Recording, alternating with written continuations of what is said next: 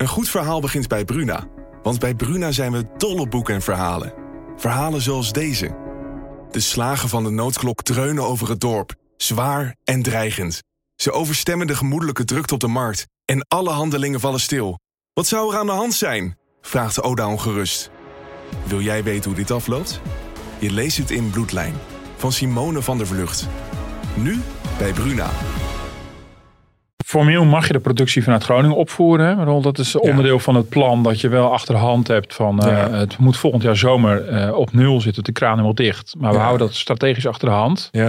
En daar is zelfs geen einddatum opgezet. En daar probeert het ministerie van Economische Zaken een beetje heel makkelijk overheen te praten. Maar, eh, Maar dat ligt eh, dus in, dat kan me voorstellen, dat is ook een ongelooflijk politiek, politiek gevoelige discussie. Om dan Ja, daarom eh, proberen ze ook zo makkelijk overheen te praten. Want ja, de Maar SP... ook weer, een- eh, ja, behalve voor de Groningers, ook weer een prettige gedachte als de nood echt aan de man is, hebben nog wat. Maar ja, dat is Ja. misschien wel heel erg uh, randstedelijk gedacht. Dit is Kwestie van Centen. Een podcast van de Financiële Telegraaf. Met Martin Visser en Herman Stam. If they close the border, how will I get out? Don't you worry about that, Yogi. We have a pipeline to the west. Pipeline? You mean our pipeline? Great Soviet achievement. Piping natural gas into Western Europe. Our engineers have spent months perfecting this. How many times have you done this before? You're the first. Ja, we zitten midden in de James eh, Bond tijd, dus dit fragment eh, konden we u niet onthouden.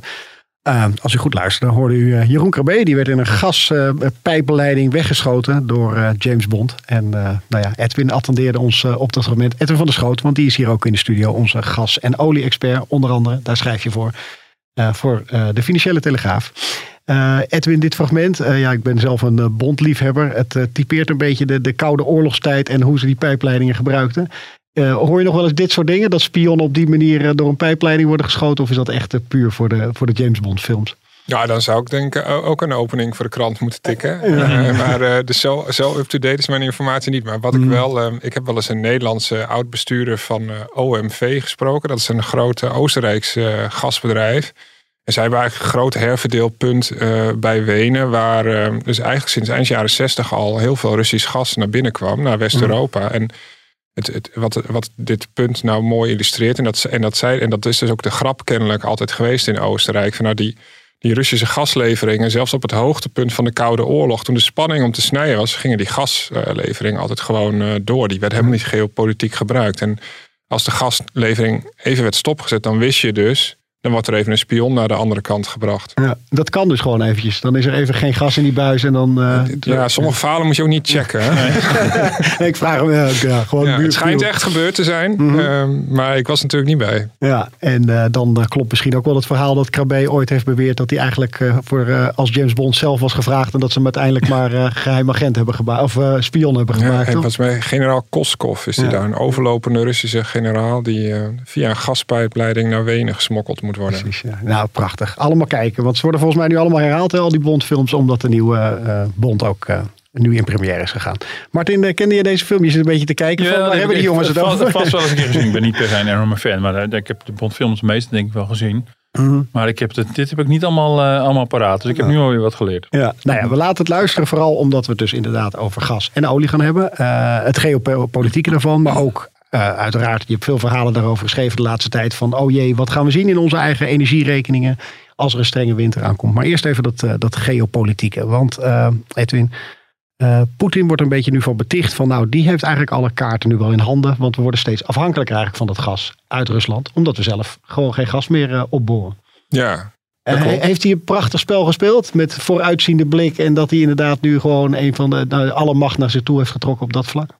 Nou, ik denk het wel. Dus, daar is eigenlijk bijna iedereen het wel over eens. Het gaat natuurlijk wat subtieler. Dit, dit wordt ook. De gasprijs is nu torenhoog. Vijf keer wat die een jaar geleden was. Mm-hmm. In het kielzog van de gas is ook olie twee keer zo duur. Steenkool drie keer zo duur. Elektriciteit twee keer zo duur. CO2-credits um, uh, uh, anderhalf keer zo duur. Dus je hebt. Volgens mij we hebben te maken met een wat bredere energiecrisis. Maar gas is wel het, uh, het het, het meest in prijs omhoog gaan. Mm-hmm. Um, en ik heb gezien uh, dat de Rabobank dit, die vergeleek dit met de oliecrisis uit de jaren 70. En dat de impact van deze energiecrisis of gascrisis nu eigenlijk al economisch groter is dan de impact van de olieboycotts die we in 73 en 79 hadden. Mm-hmm. Ehm, met het verschil natuurlijk dat destijds de, um, uh, de oliesheiks uh, er gewoon geen geheim van maakten dat het een geopolitiek spel was. Die zeiden gewoon, jullie doen iets wat ons niet bevalt, jullie krijgen niks meer. En daarmee basta.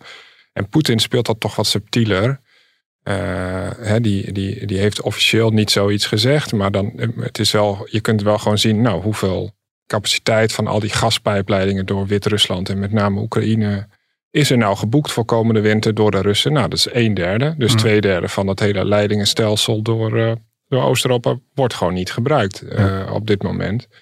Uh, nou, dat is gewoon openbare informatie. Iedereen ziet dat. Ondertussen mompelt dan een woordvoerder van het Kremlin. Ja, het is toch jammer dat die Nord Stream 2 pijpleiding nog niet, hè, dat die nog niet open mag van jullie. Mm. Want dan hadden we dit probleem zo opgelost. Ja, ja. Dus dat is natuurlijk onzin, want die hele capaciteit van dat van die Nord Stream 2 leiding, ja, die zie je ook bij onbenut liggen. Dus in, um, in dat buizenstelsel wat met name door de Oekraïne loopt. Dus, dus er wordt een heel subtiel geopolitiek spel gespeeld mm. hier. Ja, en heeft hij nou al heel lang daar een vooruitziende blik op gehad? Van, ja. Hij zit al eens behoorlijk lang aan de macht natuurlijk. Hoe heeft hij ja. dat zo opgezet? Want ja, dat, um, er is ooit een beruchte ruzie geweest tussen Jeroen van der Veer, toen nog topman van Shell, mm. uh, een aantal Nederlandse ministers uh, uh, en Poetin in 2005 in het huis van Job Cohen. Ik wil zeggen in een Dacia, maar dan is... Nee, nee, de Dacia van, van ja, precies. Nee, in het huis van Cohen. Mm. kennelijk stond Poetin in de keuken te schreeuwen. Jeroen van der Veer zei later, nee, nee, het was niet in de keuken, het was op de gang. Maar goed, oh. hij stond te schreeuwen. In de burgemeesterswoning dus. In de burgemeesterswoning, in de Amswoning van tegen Van der Veer, uh, jij denkt zeker dat ik gek ben. En, dat, en de inzet was toen uh, het grootste contract wat Shell in, uh, in Rusland had mm. afgesloten eind jaren negentig voor een, het Sachalin-project. En, en, en Poetin is natuurlijk in 99 aan de macht gekomen. en heeft eigenlijk vrij snel de, de olie en, en, vooral de gasreserves van Rusland gebruikt om zijn positie te versterken. onder Yeltsin is dat allemaal geprivatiseerd. Het kwam in handen van een aantal oligarchen. En dat was Poetin eigenlijk een doorn in het oog. En die heeft uh, zo snel mogelijk geprobeerd om de controle van de staat, van het Kremlin en van hemzelf over die, met name die gasreserves, uh, terug te krijgen. Dat is hem binnen afzienbare tijd gelukt. En dat is eigenlijk zijn, een van, of misschien wel een van zijn belangrijkste vehikels geworden om de, om de controle in dat land te krijgen. Ook, en ook, uh, ook op buitenlandse politiek. En, en ook Shell moest door de pomp, want Shell heeft uiteindelijk een meerderheidsbelang in dat project aan Gazprom overhandigd. Okay, ja. Hoe zit het dan precies met die afhankelijkheid? Hè? Want Rusland heeft natuurlijk veel gas, maar ja. niet al het gas. Bedoel, ja. we halen nu minder of bijna niks met Groningen halen. Ook nog voor een gas, als ik het goed heb, uit Noorwegen. Of vloeibaar gas uit Azië. Um, ja, het vloeibaar gas komt vooral uit de VS en uit Qatar en uit een beetje uit de Cariben ja. uh, en een beetje uit Nigeria. Maar dan zou je denken, we hebben ook alternatieven. Maar ja. blijkbaar is het dat on, desondanks ja. is het mogelijk dat Rusland ons afhankelijk heeft gemaakt. Ja, misschien uh, ongeveer 15% van ons gas komt uit Noorwegen. Uh, dat, is, dat is altijd de belangrijkste buitenlandse leverancier hmm. geweest van veel West-Europese landen. Inmiddels is het tussen de 10 en 20 procent wat uit Rusland komt in Nederland. Hmm. Maar je hebt natuurlijk de, de landen, de Baltische Staten en, en, en de Balkan, die uh, leven voor 100 procent op Russisch gas. Uh, en die schepen met Amerikaans vloeibaar gas, die vanuit de oost- en westkust vertrekken, die willen nog wel eens midden op de oceaan omkeren, omdat een een handelaar in Hongkong of uh, Tokio dan uh, een hogere prijs biedt dan wat uh, bijvoorbeeld Vopak Gasunie bij de Gate Terminal in Rotterdam ervoor over hebben. Dus er komt op dit moment niet zo heel veel LNG ons leidingennetwerk binnen. Ehm, en daar hebben meer Europese landen van, dus last van. En Noorwegen kan niet heel veel opschalen meer. En die hebben wel gezegd van nou, jullie krijgen 2 miljard kuub erbij, hm. West-Europa. Maar ja, dat is, een, dat is een druppel op de gloeiende plaat. En um, op dit moment is het zo dat Amerika de grootste producent van gas is. En dat, en dat is overigens allemaal schaliegas. En dat wordt grotendeels vloeibaar gemaakt naar Europa en Azië getransporteerd. Maar als je op een wereldschaal kijkt naar de, een kaartje met de wereldgasreserves, nou dan zie je een belletje in Groningen. Dat is geloof ik historisch gezien het tiende grootste gasveld ter wereld. Je ziet een belletje in Qatar. Je ziet wat schaliegas in de VS. En je ziet hele grote vlekken onder Siberië. Ja. Uh, waar, waar alle andere gasvoorraden in de wereld bij verschrompelen. Ja, dus in die zin zal die afhankelijkheid dus alleen maar groter worden in de komende Ja, ja dat denk ik wel. Want uh, en, en, Nederland is niet het enige land. De, de gaskraan in Groningen gaat dicht volgend jaar. En, uh, hoewel heel veel mensen denken dat die al dicht is. Die, die, het laatste zetje moet nog gegeven worden. Maar het Groningen gasveld, en dat beseffen wij Nederlanders misschien niet, dat is zo groot geweest. Daar heeft jarenlang, uh, of decennia lang, heeft heel West-Europa daar niet alleen op geleefd, maar ook, dat is ook gewoon een soort balanceerpunt geweest. Hè. Ook, ook, er ging ook heel veel gas uit Groningen, bijvoorbeeld naar Italië en naar Frankrijk. Ehm, eh, en dat, dat, wordt, dat is allemaal herschikt de afgelopen jaren. En ehm, de enige grote leverancier die kan opschalen is Rusland. en een dus land als Algerije kan dat ook niet. Dus in die zin was het misschien ook niet zo heel gek dat het kabinet heel lang getreuzeld en geaarzeld heeft om die gaskraan dicht te draaien. Ondanks de ja. ellende waar mensen in Groningen mee te maken hadden. Omdat de, de economische impact nu helemaal gewoon heel groot is. Ja, de, die impact is enorm. Maar aan de andere kant is het ook zo dat er eind jaren negentig al uh, missies naar Rusland zijn gegaan uh, vanuit, het Nederlandse, vanuit de Nederlandse staat. Hm. Uh, en, en vanuit de gasunie. Wat toch gewoon, toen was het een 50% staatsbedrijf, inmiddels helemaal. Met het idee van, nou, het Groningen gasveld is op een gegeven moment een keer op. En toen dachten ze nog, nou in 2030 is het op. Uh, wisten ze natuurlijk niet dat we in 2020 vrijwillig de kraan dicht zouden zetten, terwijl een kwart er ongeveer nog in zit. Uh, maar dan moeten we iets anders gaan doen. En wat willen we dan doen? Nou, dan willen we eigenlijk dat al dat Russisch gas en ook gas uit andere, dat het allemaal naar Nederland komt. En dan gaan wij het wel weer herverdelen in hmm. Europa. Dat noemen ze de gasrotonde. Dat is een marketingterm die uh, een jaar of vijftien geleden hoorde je daar heel veel over. Daar is het heel stil geworden over. Dat, dat woord hoor je nooit meer. Dus dat, er is iets geks gebeurd in de zin van dat we best wel een goed goede vooruitziende blik hadden. Maar er niet naar gehandeld hebben. Maar uh, ja, eigenlijk ongeveer uh, sinds die ruzie uh, in de ambtswoning van Job Cohen toevallig. Of sinds die periode, een jaar of 15 geleden, is daar een beetje de klad in gekomen. Hm. En ehm, ja. leveringszekerheid heeft niet heel erg meer hoog op onze agenda meer gestaan. Hm. Zijn er nog voorspellingen dat er ergens anders nog buiten Rusland nog grote gasvelden gevonden worden? Wat oh eventueel ja, een soort redding kan brengen? Ja, nou niet echt. Er zit heel veel schaliegas in, uh, in China, maar dat houden ze lekker zelf als ze dat gaan winnen. En in Argentinië, uh, daar is Shell dan wel actief. Maar ook in voor Argentinië, Argentinië zal gelden als je daar, en, en, en, en ook een land als Chili bijvoorbeeld, als daar een, een uh, vloeibaar gas geëxporteerd gaat worden, dan gaat het naar de hoogste bieder. En ehm, het is nou eenmaal een economische realiteit dat er in Azië een, ook een schreeuwend ehm, tekort aan brandstof is. En, uh, en Azië is historisch gezien helemaal uh, karig bedeeld met natuurlijke hulpbronnen. Mhm. En China heeft dan nog wat steenkool. Uh, maar verder, een land als Japan heeft gewoon helemaal niks. Terwijl er wel een zwaar verstedelijkte industriële samenleving is. Dus bijna elk schip met vloeibaar gas bieden de Japanners op. En dat gaat niet veranderen.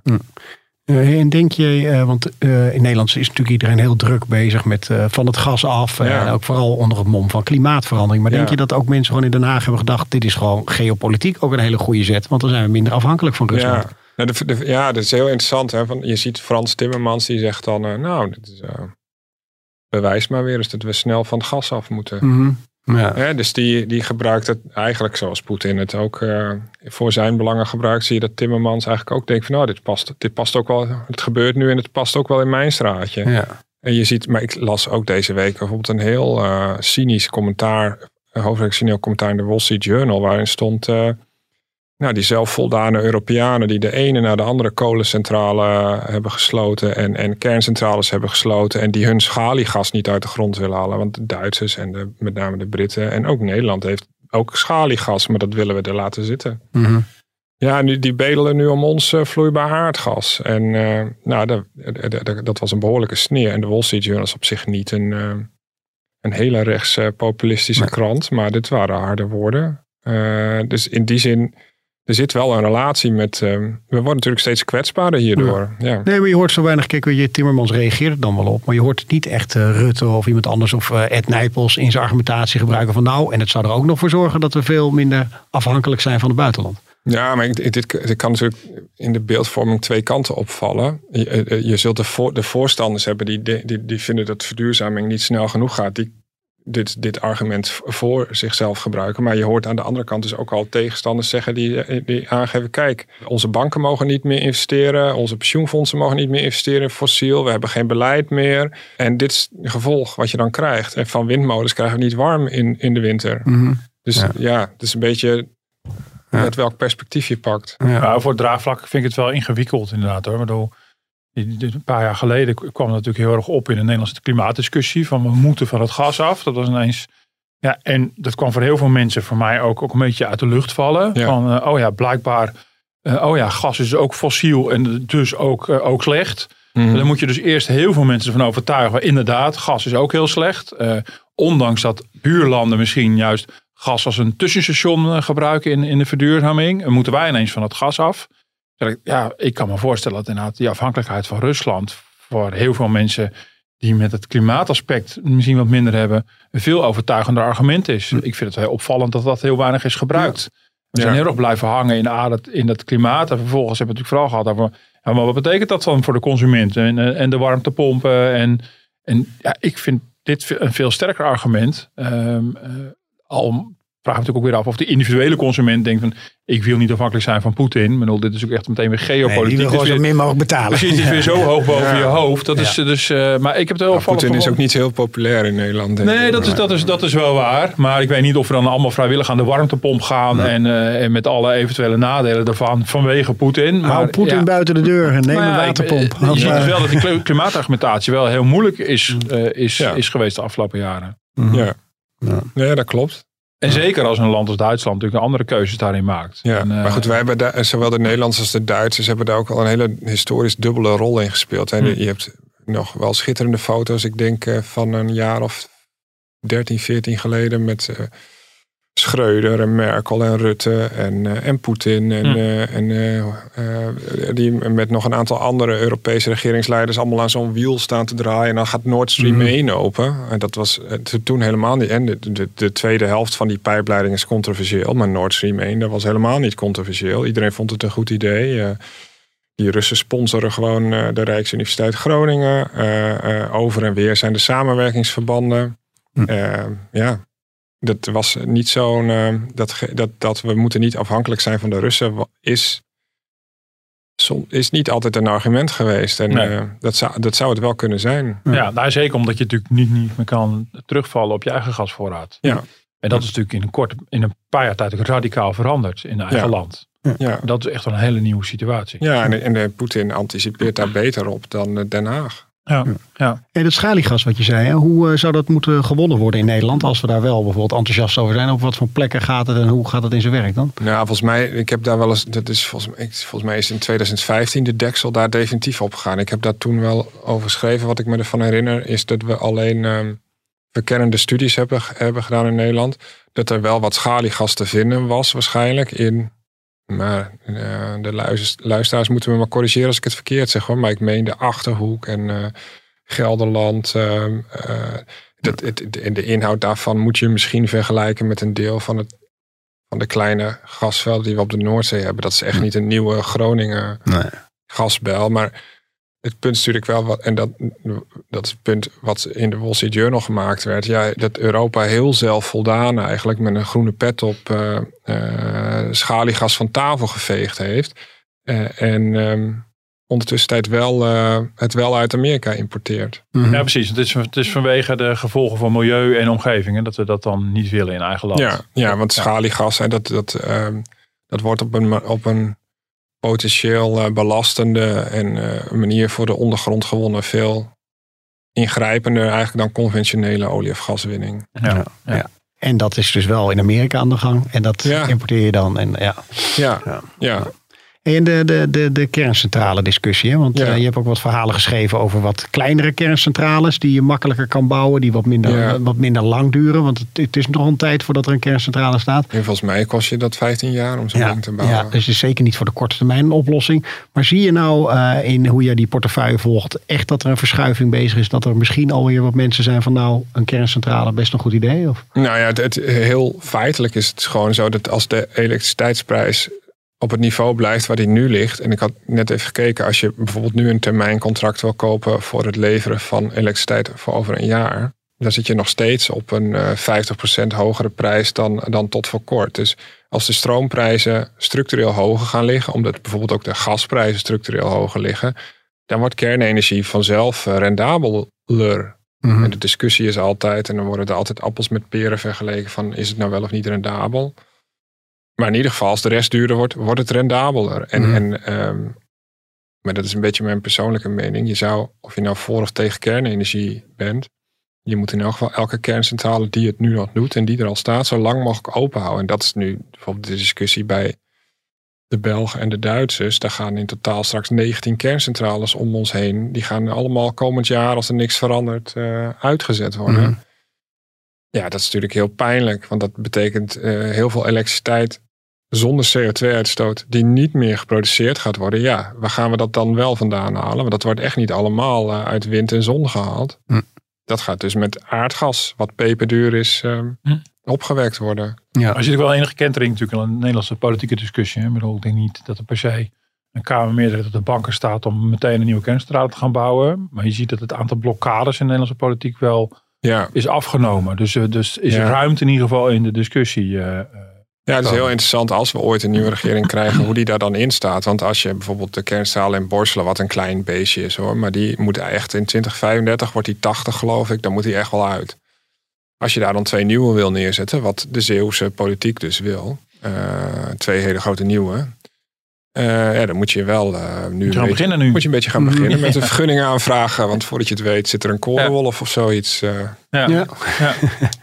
Ja, en, of een lintworm. Oh nee, dat is iets anders. Ja. nee, precies. Maar, um, even over die gas. We begonnen natuurlijk met gas. En wat is ook de aanleiding? Een historisch hoge gasprijs op de wereldmarkt. Om het even uh, simpel te zeggen. Ja. Maar dat is niet alleen Poetin, toch? Nee, bedoel, nee. Dat heeft ook te maken met voorraadvorming en dergelijke. Hij heeft het niet veroorzaakt. Hij speelt er alleen handig op in. Het, precies. Kijk, het is natuurlijk ook een kwestie van... We hebben corona gehad. Alles lag anderhalf jaar lang op zijn gat economisch herstel gaat volgens maar dat weet jij beter dan ik, maar gaat volgens mij best wel fors en sneller dan verwacht. Uh, uh, uh, in 2020 hebben we in sommige delen van de wereld, bijvoorbeeld in China, maar ook denk even aan Texas en, en ook hier in februari nog in Nederland, had je gewoon vrij late strenge vorstperiodes, waardoor strategische gasvoorraden allemaal geleegd zijn. En uh, die zijn in, in, in april, mei, zijn ze eigenlijk niet uh, voortvarend weer aangevuld. Waarom niet eigenlijk? Ja, dat is een hele goede vraag. Dat weet ik ook niet precies. De, de, en een aantal dingen die wordt gezegd is, nou ja, er, is een nodige uitgestelde onderhoud geweest, wat in coronatijd niet hm. werd gedaan. En dat, dat is dan nu gedaan. Maar ik denk ook gewoon dat het een kwestie is van dat leveringszekerheid bij overheden niet zo heel erg hoog op de agenda sta, stond. Dat het economisch herstel onderschat is. Ja. Uh, misschien in Europa ook wel, dat er wel heel erg een stemming is van alles zo snel mogelijk verduurzamen en ook elektrificeren. En uh, dus een combinatie van die factoren. Ja, maar dan, dat betekent. En dus- droogte ook, hè? grote droogte in delen van de wereld die heel erg afhankelijk zijn van waterkracht. Ja, maar dat betekent dus nu dat als nu die gasvoorraden alsnog snel moeten worden aangevuld tegen die torenhoge marktprijzen, ja. Uh, dat, het dus, dat, dat zie je dus nu gebeuren, dat het allemaal heel duur wordt. Ja. Want je moet toch klaar zijn voor de winter. Je weet niet of die streng wordt of niet streng. Ik weet nee, iedereen hoopt dus nu. Dat het niet streng wordt. Geen witte kerst Maar op welke manier merkt de consument dat nu dan al? Of nou, nu merkt, nou, als je bijvoorbeeld nu op een, op, een, op een van de grote prijsvergelijkingssites gaat kijken. Uh, wat je moet betalen op jaarbasis voor een jaarcontract of een driejaarscontract voor elektriciteit en gas, dan kom je op bedragen die beginnen bij 25, 2600 euro op jaarbasis. En de energiemarkt in Nederland is in 2004 geliberaliseerd. Uh, en vanaf dat moment had je ook de eerste vergelijkingssites die dat zijn gaan bijhouden. En het gemiddelde bedrag wat een Nederlands gezin uh, aan, uh, aan stroom en gas of stroom en warmte kwijt was, is nooit echt boven de 2000 euro gekomen. Hm. En, en af en toe ging het weer omlaag en dan ging het weer omhoog. En, en, en als het tegen, bij die 2000 euro grens op jaarbasis in de buurt kwam, dan zeiden we, oeh, het is allemaal wel duur. En nu is het in één klap, in drie maanden tijd, is er 4, 5, 600 euro bij opgespeerd. Dus dat is een, en ik weet dat wij in de Telegraaf en, en, en ook uh, andere consumentenmedia doen dat misschien heel snel roepen, hoe de energieprijs gaat omhoog. Maar dit is echt van een andere orde dan wat we de afgelopen 15 jaar gezien hebben. En ik vraag me ook af of het niet gewoon ook een soort nieuwe realiteit is. Ja, of het blijvend is. Ik denk dat het blijvend is. Dus het is niet alleen een lakse reactie uh, eerder in het jaar van het aanvullen van die gasvoorraden, maar dit, een deel van dit effect is blijvend. Omdat de vraag gewoon ook uh, heel hoog ligt. Ja. Ik denk dat je een goede economische crisis nodig hebt om uh, de vraag omlaag te krijgen. Maar daar zitten weer allerlei andere nadelen aan. Ja, ja. Hey, en uh, je, je, bent natuurlijk geen weerman, je weet niet wat voor winter het wordt. Maar uh, stel nou dat het uh, een beetje zo'n winter wordt zoals afgelopen jaar. Moeten we ons echt zorgen maken dat op een gegeven moment voor bepaalde nou, bedrijven geen gas meer beschikbaar ja. is? Of? Nou, het zal wat de wat bijvoorbeeld mensen bij Tennet, hè, dus de, het hoogspan, staatshoogspanningsbedrijf, wat die altijd hopen, is dat je geen Elfstedentocht krijgt. Want een Elfstedentocht betekent meestal drie, vier weken vorst. Ja. In combinatie met uh, zonnig weer. Mm -hmm. maar dat is natuurlijk een waterig zonnetje. En windstil.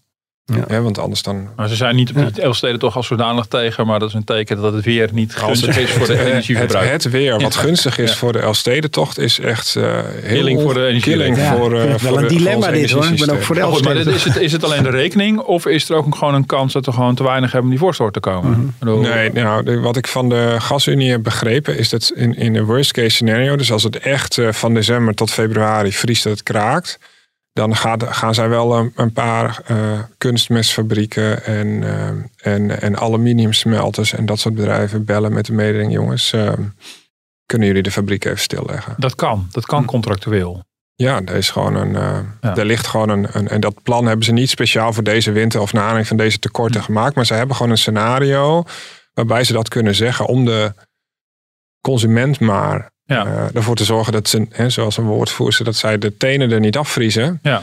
Uh, mag, mag je grootgebruikers afschakelen. En dit is niet een heel raar scenario. In Engeland zie je dat nu ook. Dat er een plan uit de kast is gehaald om, uh, om eh, de driedaagse werkweek bij uh, grote fabrieken in de winter desnoods in te voeren. Ja, ja en toch voelt het wel, je zegt een nieuwe realiteit, maar toch voelt het aan dat er ergens iets in de planning ook gewoon gruwelijk is misgegaan. Toch? Ja, want ik, ik kijk bijvoorbeeld een land als Frankrijk, daar speelt dit probleem veel minder. En eh, Frankrijk doet gewoon wat wij in Nederland ook doen met olie sinds 1973 betaalt gewoon een, een premie aan een aantal bedrijven, FOPAC-achtige bedrijven, om een strategische voorraad aan te houden. Ja, hm. ja. Dus om niet met die voorraad te gaan speculeren, maar gewoon echt, uh, jullie slaan het op, daar betalen wij een premie voor. En als de nood aan de man is, dan kunnen we het. Uh, dan leveren jullie dat. Ja. Dus het is, het is geen rocket science om daar wat aan te doen. Alleen je bent nu te laat. En formeel, formeel mag je de productie vanuit Groningen opvoeren. Hè? Dat is onderdeel van het plan dat je wel achter de hand hebt van uh, het moet volgend jaar zomer op nul zitten, de kraan helemaal dicht. Maar we houden dat strategisch achter de hand. Ja. En daar is zelfs geen einddatum op gezet. En daar probeert het ministerie van Economische Zaken een beetje heel makkelijk overheen te praten. Maar, uh, maar dat ligt dus in, dat kan me voorstellen, dat is ook een ongelooflijk politiek, politiek gevoelige discussie. Om ja, daarom proberen ze ook zo makkelijk overheen te praten. Ja. Want, ja, de SP, ook weer een, ja, behalve voor de Groningers, ook weer een prettige gedachte als de nood echt aan de man is, hebben nog wat. Maar ja, dat is misschien wel heel erg uh, randstedelijk gedacht. Maar, uh, ja, dat, ja. Edwin is een uh, Groninger, moet ik even voor de luisteraars bij zeggen. Ja, ik, ik, persoonlijk vind ik, kijk, het, het, is al zo dat heel Nederland denkt dat de gaskraan daar al dicht is. Terwijl afgelopen vrijdag minister Blok van Economische Zaken gewoon gezegd heeft, nou, we gaan nog 3,9 miljard kub winnen. Ik, ja. ik vind dat wel vreemd. Het, dat, is een, dat is maar een fractie van, van, van, van wat er historisch gewonnen werd. Maar ja, uh, waarom, uh, waarom de gaskraan nog niet uh, überhaupt dicht is. Dat, ja. ik kan me er toch niet aan de indruk onttrekken dat dat hier dus ook mee te maken heeft. Hè? Want oktober 2022 moet hij dan helemaal zogenaamd dicht zijn. Maar ja, dat is dan weer met een sterretje erbij. Mm -hmm. ja. Dat ze nou, Hij is een wederdienende. Ja, ja. Dat is in geval van strenge winter, tekorten, bla bla bla, dan mag je er nog weer bij. Is het wel allemaal gas wat in Nederland blijft? Of hebben we er ook nog extra? Ja, dat moet dan wel in Nederland ah, blijven. Ja, dat zou wat fijn zeggen. Ja, precies. Uh, dat we gewoon eindelijk zover zijn dat die gaskraan er eindelijk dicht gaan draaien. En dan in een situatie belanden dat we hem toch weer eventjes open moeten zetten. En dan vervolgens naar, naar, de België exporteren. ja, ja, maar ja, goed, dat is natuurlijk wel de situatie is wel. Die Belgen die gaan hun die hebben twee kerncentrales, die gaan ze uitzetten volgend jaar. En dan gaan ze nieuwe gascentrales openen. Dus ja. ja. Ja.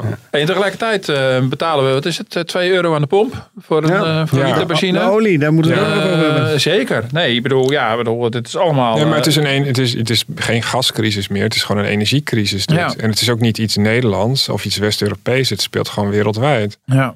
En maar leg, leg, even, leg, even, voor de luisteraars uit wat dan het verband is ook tussen de olie en de Nou, de, de, de, olie stijgt minder hard dan de gasprijs. En de olieprijs, uh, denk ik, ongeveer verdubbeld dit jaar. Uh, dus ik, oh, oh, tussen twee haakjes ben ik ook heel benieuwd naar de kwartaalcijfers van Shell. Want die moeten, daar moet het geld weer tegen de plinten klotsen. Als de olie en de gasprijzen zo omhoog gieren. Maar goed. Dividend.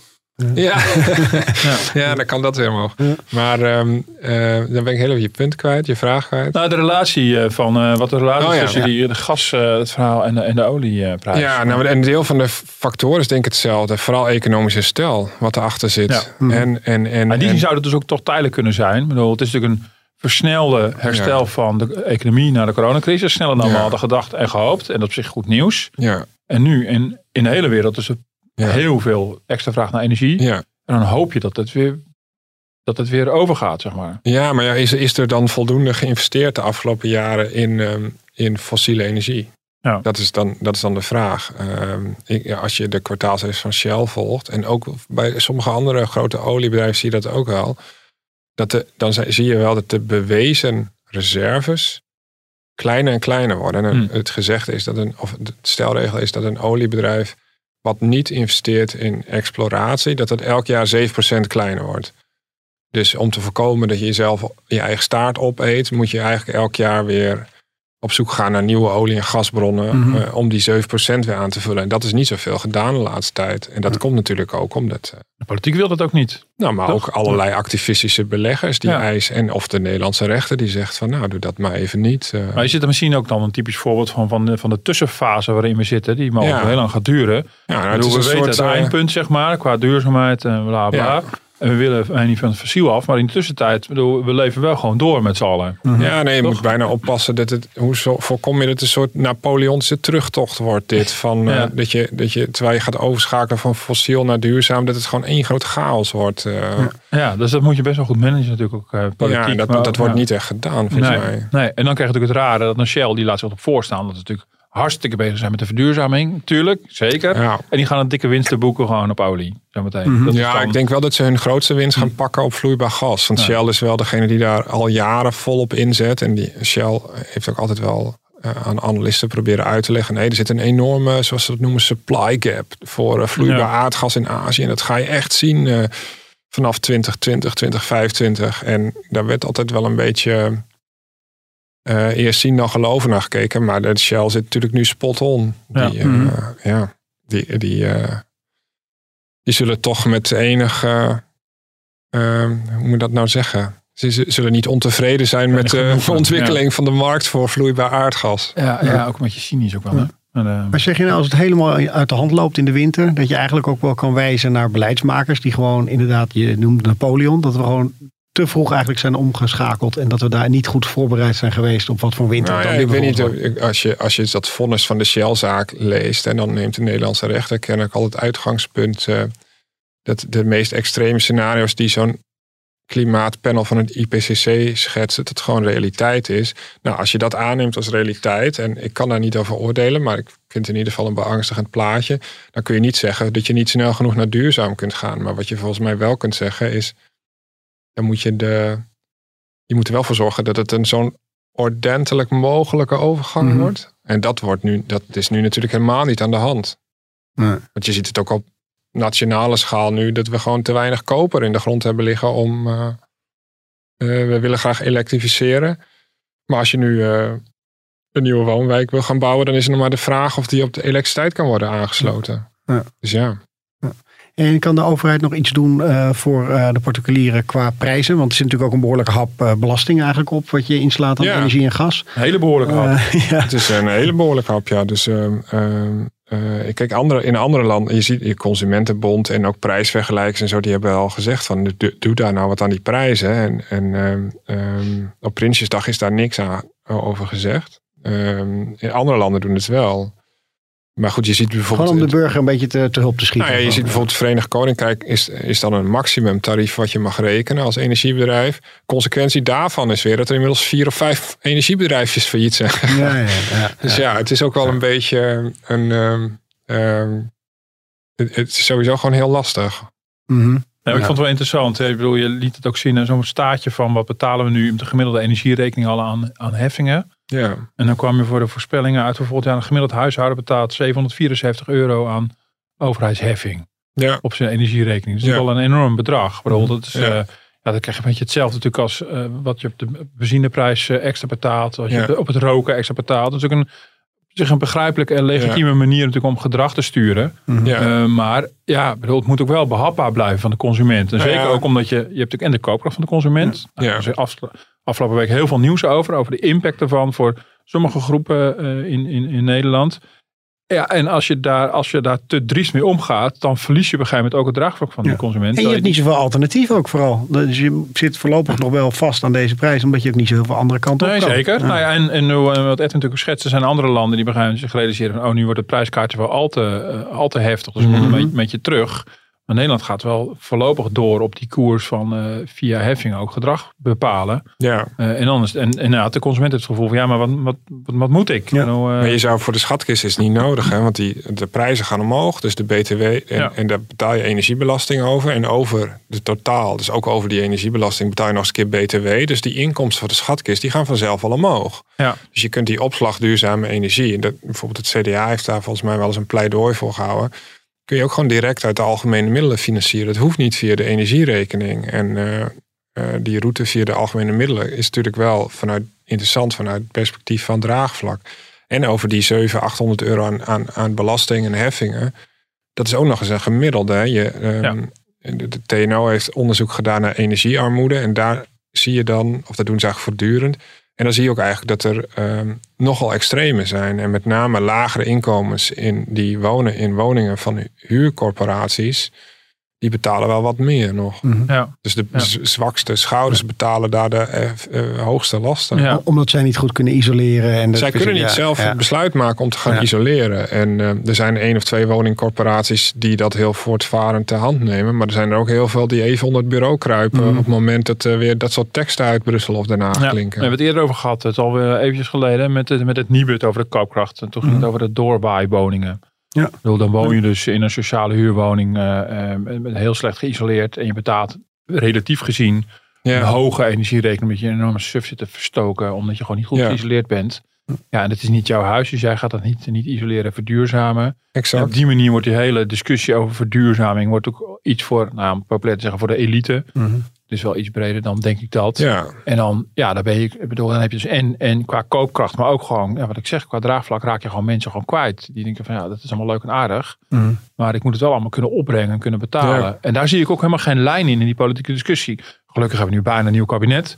Dus dan, Zo, dan, je weet dat dit, je weet dat dit morgen al uitgezonden ja, wordt. Hè? Dan, dan, nee, maar dat kan inderdaad al meteen weer achterhaald zijn tegen de tijd dat, dat de, de luisteraars zitten en weer luisteren. Nee, maar, en dan regent het klimaatvisies. Mm.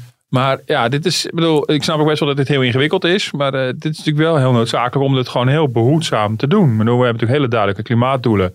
Waar we in Nederland echt de rechten voor nodig hebben om onze regering eraan te herinneren mm. dat we die ook alweer hadden. Uh, daar is misschien heel drastisch beleid voor nodig, wat heel veel geld gaat kosten. Je moet dus heel secuur zijn met waar je welke last neerlegt en, en of iedereen nog mee kan komen.